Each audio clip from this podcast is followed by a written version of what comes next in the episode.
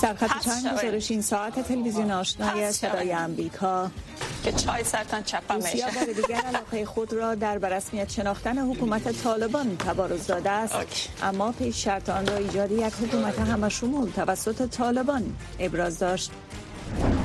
یک فعال امور مهاجرین در اسکاتلند می‌گوید. افغانهایی که در پروسه تخلیه به بریتانیا آمدند در برنامه استرداد بر رواندا شامل نیستند. و این تصمیم بر افغانهای مهاجری که به شکل غیرقانونی از دیگر کشورهای اروپایی وارد بریتانیا شدند قابل تطبیق است. و وزرای دفاع ناتو فردا پنجشنبه در نشست فوقالعاده روی موضوع افزایش کمک های نظامی به اوکراین بحث و تبادل نظر خواهند کرد.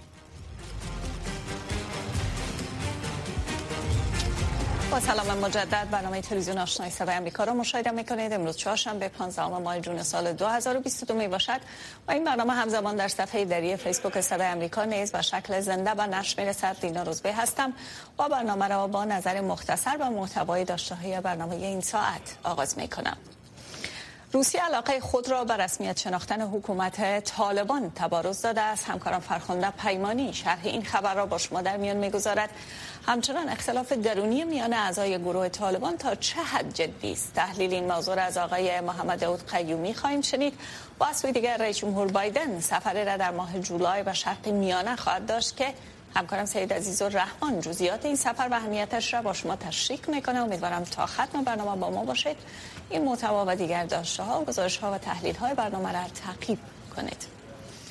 امروز چهارشنبه کمیته رابطه خارجی مجلس نمایندگان کانگرس ایالات متحده جلسه استماعی را در عقب درهای بسته روی افغانستان دایر می‌کنند که در این جلسه مقامات از اداره ریاست جمهوری بایدن به سوالهای قانونگذاران پاسخ خواهند داد. واکنش به این نشست البته قانونگذاران جمهوری خواهی کمیته روابط خارجی مجلس نمایندگان در یک اعلامیه تدویر جلسه را در عقب درهای بسته مورد انتقاد قرار داده و ابراز داشتند که تا کنون این کمیته فقط یک نشست باز یا گشوده را در قبالی موضوع میزبانی کرده است. در این اعلامی آمده است که تدبیر جلسه استماعی در عقب درهای بسته که محتوایان نیز محرمانه باقی میماند در حالی که این معلومات نباید محرمانه باشد شفافیت نیست که مردم امریکا لیاقت آن را دارند و باید این معلومات شفاف به مردم ارائه شود.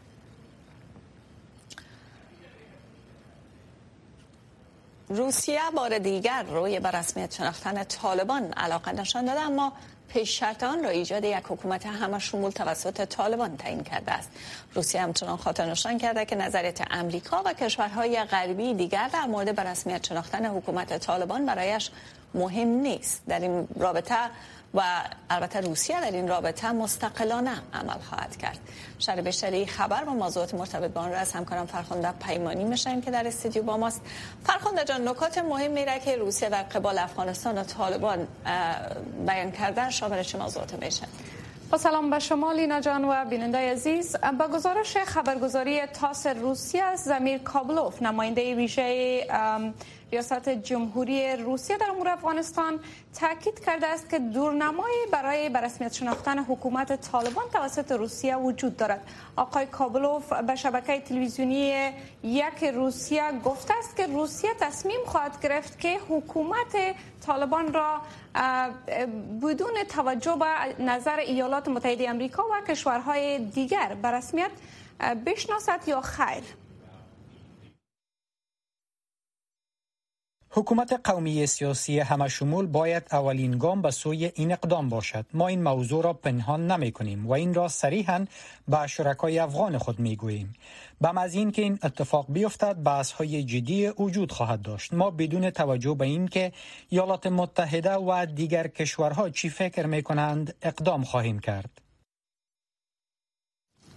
همچنان آقای کابلوف خطاب به طالبان گفته است که به خاطر حفظ قدرت آنها باید با این موضوع موافقت کنند. او همچنان کشورهای انگلیس را متهم به حمایت و تمویل گروه های تروریستی و دهشت افکن در افغانستان و ایجاد تهدید برای ثبات در آسیای مرکزی کرده است. در ضمن تاکید کرد که گروه طالبان هیچ تهدیدی برای امنیت و ثبات در آسیای مرکزی نیستند. خب فرخنده جان آقای کابلوف در مورد سفر یک مقام طالبان که قراره به مسکو بره چی گفت؟ بله. خب می‌پردازیم با اون موضوع هم اما قبل از اون میریم به توجه می‌کنیم به البته گفته های اوکی کابلوف از آقای کابلوف از آمادگی های برای سفر نوردین عزیزی وزیر تجارت طالبان به مسکو خبر داده و اضافه کرده که قبلا این وزیر فهرستی از کالاهای مورد علاقه افغانستان را که شامل محصولات نفتی، گندم، انواع مختلف کالاهای غیر نظامی می باشه به روسیه ارائه کرده. و در انکشاف دیگری از امسایه های افغانستان بلاول بوتو زرداری وزیر امور خارجه پاکستان در سفر خود به تهران با امیر عبداللهیان وزیر امور خارجه ایران دیدار گفتگو کرده. این دو مقام ضمن صحبت روی روابط بین ایران و پاکستان درباره آخرین تحولات در افغانستان نیز صحبت کردند. وزیر امور خارجه ایران گفته که کشورش در تشکیل حکومت فراگیر در افغانستان تاکید می کند و همچنان وزیر خارجه پاکستان همچنین با بیان آن که در این دیدار در ارتباط با شرایط موجود در افغانستان صحبت کرده توجهتان جلب می کنیم. ما نگران ثبات و امنیت در افغانستان هستیم. منافع ما در گرو استقرار صلح امنیت در افغانستان است. ما تاکید داریم که در این برهه حساس باید از افغانستان حمایت کنیم و بخواهیم که منابع مزدود شده آنها آزاد شود. همچنان آقای زرداری از حکومت طالبان خواسته تا به سای فراگیر شدن رفته و در خصوص مبارزه با تروریسم قدم های بیشتری بردارند. لینا جان ممنون و سپاس از جزئیاتی که در قبالی موضوع را کردیم تشکر باز هم مرتبط به افغانستان. اختلافات میان رهبران طالبان و مقامات این گروه با فرماندهان و مسئولان محلی خبرساز شده است و در تازه ترین واقعه شماری از رسانه های محلی از اختلاف میان طالبان با مولوی مهدی مجاهد یکی از قماندانان محلی این گروه در ولایت سرپل خبر دادند.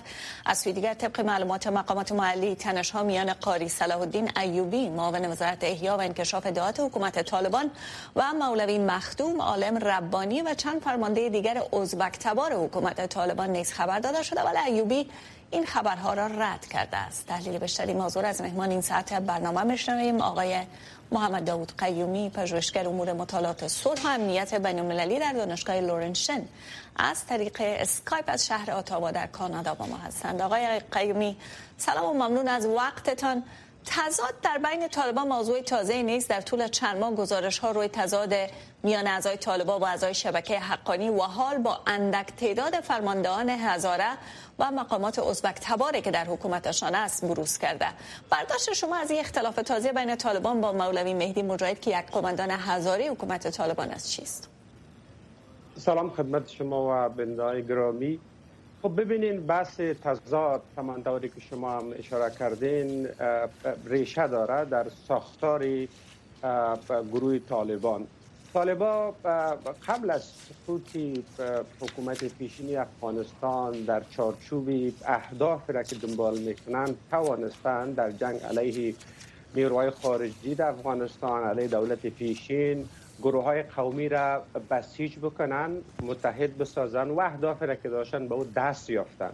اما پس از شکلگیری حکومت طالبا مسئله اساسی در کشورهایی که از یک سو پیشینه منازعه دارند و از سوی دیگر در گیره های قومی در ارتباط به تقسیم قدرت در ساختار یک نظام سیاسی وجود داشته طالبا یک مکانیزم روشن نداشتند و از طرف دیگر خواستی که جامعه جهانی داشت در قالب شکلگیری یک حکومت اما شمول البته بحث اساسی بود که قدرت در بین گروه های قومی تقسیم شود به این اساس طالبا خواست جامعه جهانی را توجه نکردن و امروز ساختاری را که طالبا ایجاد کردن نوع ساختار متمرکزی است که تمام قدرت از نظر قومیتی ارتباط می‌گیره به یک قوم در افغانستان. از یک طرف و از سوی دیگر در مناطق محلی انتظار برخی از او فرماندهانی که مخصوصا فرماندهان ازبک تبار یا هزاره تباری که امرای طالبا در گذشته همکاری داشتن انتظار نایی بود که نقش بسیار سازنده را در مناطق محلی داشته باشند. در مناطق محلی را افراد بسیار نزدیک به طالبان تعیین شده. و این بله. سبب شده مخصوصا مسئله تقسیم قدرت و در قرار گرفتن برخی از فرماندهانی که از اقوام غیر پشتون هستند این سبب شده که باعث درگیری شده و ممکن است درگیری ها هم بیشتر شود. خب زبی الله مجاهد سخنگوی حکومت طالبان ساعت پیش در صحبت با صدای امریکا. البته گفت که به دلیل دور بودن ولسوالی بلخاب تا هنوز معلومات دقیقی را از این وضعیت نداره. به نظر شما آیا طالبان تلاش می‌کنن که اختلاف با مولوی مدوی کم اهمیت جلوه بتن یا که کتمان کنن یا به نوع منتظر از هستن که راه حل بر از او پیدا شود خب ممکن است طالبان تلاش بکنن در کوتاه مدت یا سرکوب بکنن گروهایی که مخالفت دارند در برابر طالبان خواستی مشخص را عنوان می‌کنن یا از طریق تفاهم یک راه حل پیدا بکنن. اما چیزی که بسیار مهم است در کشورهای پس منازعه مسئله تقسیم قدرت در چارچوب یک مکانیزم ساختاری است که تمام مردم تمام اقوام در او حکومت حضور داشته باشند. اگر در دراز مدت طالبا موفق نشوند در در بحث تقسیم قدرت بین گروه های قومی یک حکومتی که تمام اقوام در حضور داشته باشد تشکیل ندن برداشت به است که ممکن است تنش های قومی که بله. پیشینه تاریخی در افغانستان داره این شدت پیدا بکنه و امکانات مدیریت محدود است خب شما طوری که گفتن اختلاف های قومی ولی برخی از پشتون های هم که به افغانستان برگشتن یا حضور دارن به دلیل تفاوت مفکوره ای که با طالبان دارن در حاشیه قرار گرفتن. به نظر شما آیا این واقعا یک مسئله قومی است یا که طالبان هر کسی را که با مفکوره حکومت داریشان موافق نباشه یا نظریه متفاوت تری را داشته باشه نمیپذیرند؟ خب به طور طبیعی دو مسئله مهم است. یکی بحث بله. تفاوت ایدولوژی است. اما طوری که در صحبت شما باستا پیدا کرد مسئله ایدولوژی هم است اما در قالب ایدولوژی طالبان در گذشته تنستان موفق بودن که گروه های قومی را جمع بکنن و مشکل نداشتن. اما بله. بس امروز شرایط کنونی که ما صحبت می‌کنیم مسئله مسئله تقسیم قدرت است. در بحث تقسیم قدرت ممکن است که مسئله ایدولوژی او قضیات مهم نباشه که بحث قومی مهم است به برداشت ما بله خب روسیه طوری که در گزارش شنیدین هم بار دیگه علاقه خود در برسمیت شناختن حکومت طالبا تحت شرط از که اگه حکومتشان همه شمول باشه نشان میده. به نظر شما اگر اعضای هزاره یا ازبک و تاجیک در حکومت طالبا که هم مفکورهشان باشن شامل شون این به معنای همه شمول بودن حکومت میشه یا خیر؟ تعریفی متفاوت ما از بحث همه شمول داریم. همه شمول زمان می‌تونه در یک مخصوصا در افغانستان حکومت شکل بگیره که مسئله اساسی بحث تصمیم گیری است اگر ساختار تغییر بکنه یا در واقع تقسیم قدرت بر اساس ساختاری باشه رهبرای مختلف قومی حضور داشته باشند خب ممکن است که حکومت بله. همه شمول شکل بگیره در غیر ما فکر می‌کنم با حضور چند نفر از اقوام مختلف به شکل سمبولیک نمیشه که یک حکومت همه شمول شکل بگیره ممنون و سپاس از شما آقای قیومی. تشکر از تحلیلی که در قبالی موضوع را کردیم. ممنون. شکر از دعوت خوشحال شدیم خواهش می‌کنم. برنامه باز هم با گزارش مرتبط به افغانستان ادامه می دهیم وزارت امنیت داخلی ایالات متحده و وزارت خارجه ایالات متحده بر روز سهشنبه از اتخاذ تصامیم تازه در قبال پروسه اعطای ویزا به افغانهای باقی مانده در افغانستان خبر دادند که طبق آن افغانهایی که با ایالات متحده در افغانستان کار کرده و پروسه تحقیق و بررسی را سپری کردند واجد شرایط برای دریافت پناهجویی به ایالات متحده هستند. این تصمیم روی هدف اطمینان از این موضوع اتخاذ شد که افغانهایی که تحت تسلط طالبان زندگی کرده و مجبور به پرداخت پول و طالبان برای عبور از محلهای تلاشی و یا دریافت پاسپورت شده و یا با کسانی که علیه طالبان مبارزه کردند تحت محدودیت های مرتبط به تروریسم در بخش درخواست پناهجویی ممنوع قرار دادن نشوند و باشیه راندن نشوند. این دو اداره در مشوره با لوئیس آرامال ایالات متحده و همکاری کانگرس سه نوع معافیت را ترک کرده که طبق آن به قضایای این افغان ها رسیدگی می شود و اطمینان حاصل خواهد شد که قضایایشان رد نشود. انتونی بلینکن وزیر خارجه ایالات متحده در مورد این تصمیم ابراز داشت که ایالات متحده به سمت متحدین افغان خود متعهد است و پروسه اعطای ویزا را تا حد ممکن با در نظر داشته حفاظت از امنیت ملی ایالات متحده تسریع می بخشد و این اقدام تازه را در قبال پناهجویان افغان یک قدم موثر در این راستا خواند. بریتانیا بر روز چهارشنبه در حال به عملی سازی پالیسی جنجال برانگیز استرداد ماجرین بر رواندا متحد گردید که اولین پرواز مرتبط به این پروسه به دستور محکمه اروپایی حقوق بشر فسخ شد این پرواز حامل 130 ماجر بود ولی اجازه پرواز نیافت وزیر داخل بریتانیا از این تصمیم محکمه انتقاد کرد. ولی تاکید کرد که این برنامه عملی خواهد شد و بریتانیا از آن بر نخواهد گشت. و اضافه کرد که تیم قانونی حکومت بریتانیا رو این تصمیم فسخ غور می کند و آمدگی ها برای پرواز بعدی نیز آغاز شده است. رواندا بر اساس معامله اپریل که مورد انتقاد ملل متحد و دیگر گروه های مدافع حقوق بشر قرار گرفته است حاضر به پذیرش این ماجرین شد. سابر زازای مدیر اجرایی شورای پناهجویان اسکاتلند می‌گوید که تصمیم تازه بریتانیا برای ارسال ماجرین از بریتانیا به رواندا یک عمل غیر انسانی و دورتر از توافقات ژنو برای ماجرین است.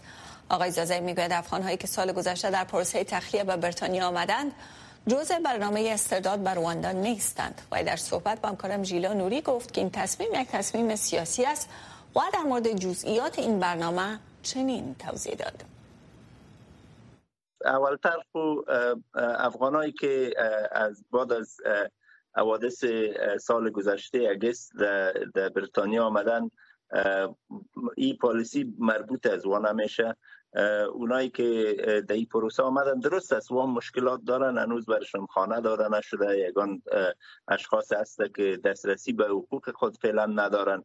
ولی جواب پناهندگی خود وادارن این پروسه نو که است که ماجرین به رواندا بفرستن این مربوط میشه به اشخاصی که نو در بریتانیا برسن بدون یکی از این پروگرام های مهاجرت که بریتانیا در چند سال گذشته برای افغان ها تهیه کرده بود که به اسم ACRS و ARAP می باشد اگر بدون از این پروگرام کسی بیاید طوری که من خودم تقریبا 23 24 سال پیش بدون کدام اسناد و کدام پروگرام اینجا آمدم پناه خواستم و برای من پناه دادن اصلا این پروگرام نو که افغان را یا مهاجرین به رواندا بفرستن مربوط اونا میشه که از طریق فرانسه یا از طریق اروپا داخل بریتانیا می‌شوند.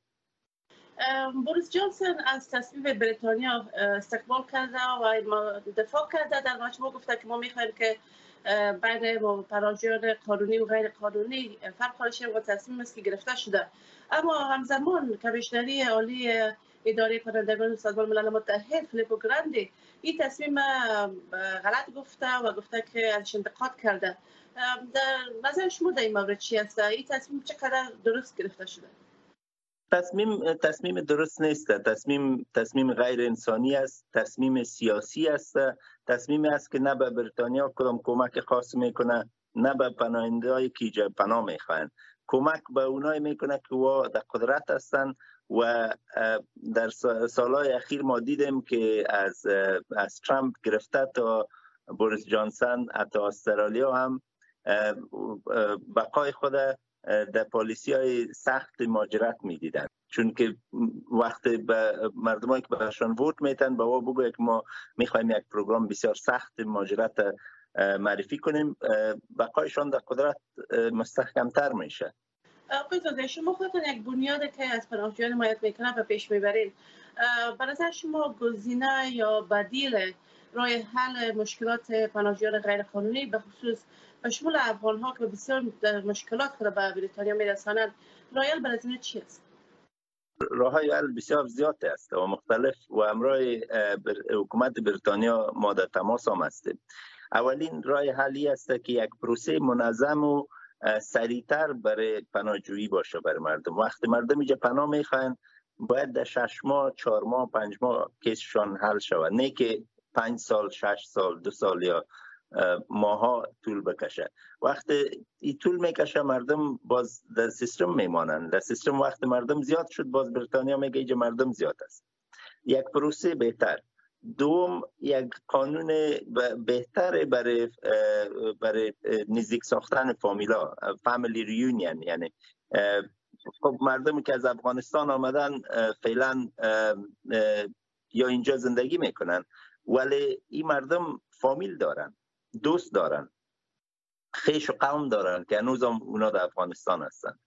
اگر او دوستایشان یا فامیلشان می‌خوان اینجا به دیگر راه قانونی بر از نیست باید بریتانیا یک راه قانونی بر از مهیا کنه که بتانه امرای فامیلای خود اینجا نزدیک شان شما که در اینجا هستین امرای پناهجویان از نزدیک همکاری دارین پیشنهاد و مشوره شما برای پناهجویان افغان یا کسایی که به بریتانیا می‌رسن چی است؟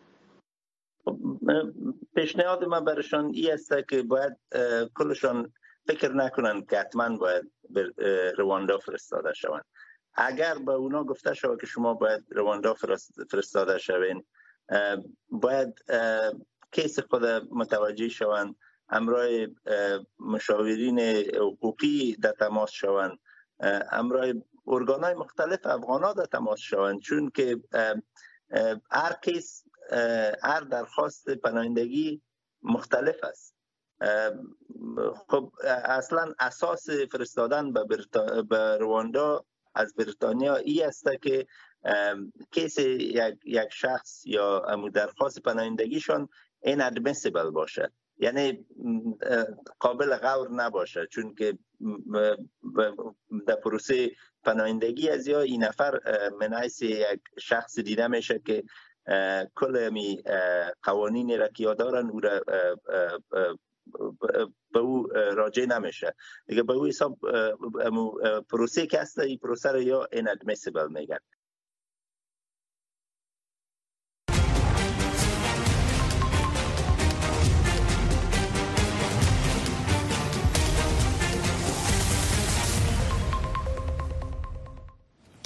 جو بایدن رئیس جمهوری ایالات متحده در نظر دارد که در ماه جولای به شرق میانه و شمول اسرائیل، کرانه غربی رود اردن و عربستان سعودی سفر کند و شرح بیشتر جزئیات این سفر و تصمیم وی در این گزارش توجه کنید.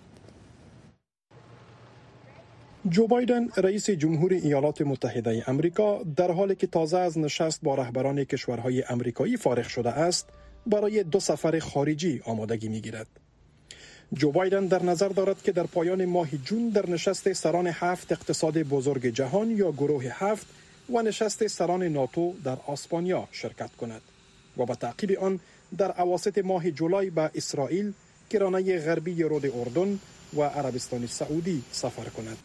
جایی که او در نشست شورای همکاری کشورهای خلیج حضور خواهد یافت. دلیل سفرم همین است و با امنیت ملی اسرائیل ربط می گیرد. من یک برنامه دارم. به هر صورت سفرم به موضوعات بزرگتر از موضوع قیمت انرژی ربط می گیرد.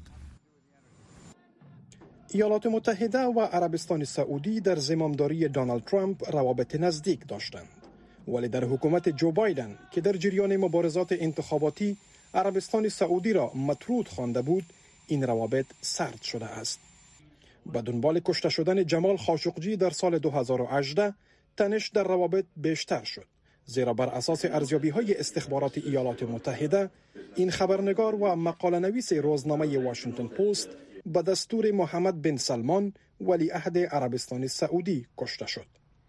ولی با قیمت روز افزون نفت رئیس جمهور بایدن گزینه مراوده با سعودی ها را که نقش بزرگ در بازار جهانی انرژی ایفا می کنند برگزید. تا حد مربوط به یمن می شود تا حد مربوط به ایران می شود تا حد مربوط به عادیسازی روابط با اسرائیل می شود و تا حد مربوط به تولید انرژی می شود همچنان تا حد مربوط به انرژی پاک و نقش عربستان سعودی در آن می شود انکشافات اقتصادی و افزایش نقش زنان در عربستان سعودی نیز موضوعات مرتبطی دیگر می باشد جو بایدن برای بار نخست در یک پرواز مستقیم از اسرائیل عازم جده خواهد شد. قبل از این در سال 2017 دونالد ترامپ در یک پرواز مستقیم تاریخی از ریاض به تلبیب سفر کرده بود. پرواز رئیس جمهور بایدن در حال صورت خواهد گرفت که اسرائیل و عربستان سعودی روابط رسمی ندارند. ولی تلاش های دیپلماتیک واشنگتن برای گسترش توافقنامه ابراهیم که در زمامداری ترامپ به هدف عادیسازی روابط میان کشورهای عرب و اسرائیل امضا شده بود ادامه داشته است. انتظار یک دستاورد بزرگ را ندارم زیرا از سعودی ها می شنوم که به خاطر عدم پیشرفت در موضوع فلسطین و همچنان بی‌ثباتی در جاهای مثل بیت المقدس نگرانی های عمیقی وجود دارد. برای عربستان سعودی عادیسازی روابط با اسرائیل ممکن مستلزم پیشرفت بزرگ در مذاکرات صلح میان اسرائیل و فلسطینی ها باشد ولی با در نظر داشت پیشرفت اندک و نیز ادامه تنشها با شمول ادعاها مبنی بر کشته شدن یک خبرنگار امریکایی فلسطینی تبار توسط نیروهای اسرائیلی چشمانداز صلح مبهم به نظر می رسد. سید عزیز رحمان تلویزیون آشنای صدای امریکا واشنگتن قرار است وزرای دفاع ناتو فردا پنجشنبه در نشست فوق‌العاده روی موضوع افزایش کمک های نظامی با اوکراین در بروکسل پایتخت بلژیم ملاقات کنند. این در حالی است که نیروهای روسیه بسیاری از های شهر سیویر یا دونتسک را تصرف کردند. همزمان با تصرف 80 درصد شهر سورودونتسک در منطقه شرقی اوکراین سوی نیروهای روسی وزرای دفاع ناتو فردا در نشست فوق‌العاده در بروکسل پایتخت بلژیم با هم روی موضوع افزایش و تعداد همکاری های نظامی با اوکراین دیدار می کند. ناتو سعی می نماید تا تدابیر لازم را انجام دهد که جنگ روسیه و اوکراین با مرزهای کشورهای ناتو سرایت نکند. ینس استوتنبرگ منشی عمومی سازمان ناتو روز سهشنبه گفت که کشورهای غربی باید تسلیحات سنگین بیشتر را به اوکراین ارسال کنند تا قوای آن کشور جلو پیشروی نیروهای روسی را در شرق اوکراین بگیرد. اوکراین باید تسلیحات سنگین بیشتری را در اختیار داشته باشد. در حال حاضر متحدان و شرکای ناتو تسلیحات سنگین را برای مدت طولانی فراهم کرده و از ضمن حمایت بیشتر خش را در این راستا افزایش می دهند و در جریان جلسه فردا که در مقر ناتو برگزار می شود در مورد حمایت از اوکراین بحث صورت می گیرد. آقای استوتنبرگ افزود که ناتو پس از تهاجم روسیه بر اوکراین حضور نظامی خیش در منطقه دو برابر ساخته است و می‌گوید که نیروهای نظامی ناتو از بالتیک تا بحیره ایسیا گسترش یافته است و بیش از 40 هزار سرباز تحت فرماندهی مستقیم ناتو در منطقه مستقر می باشد و همچنین از حمایت قوای بحری و هوایی برخوردار است.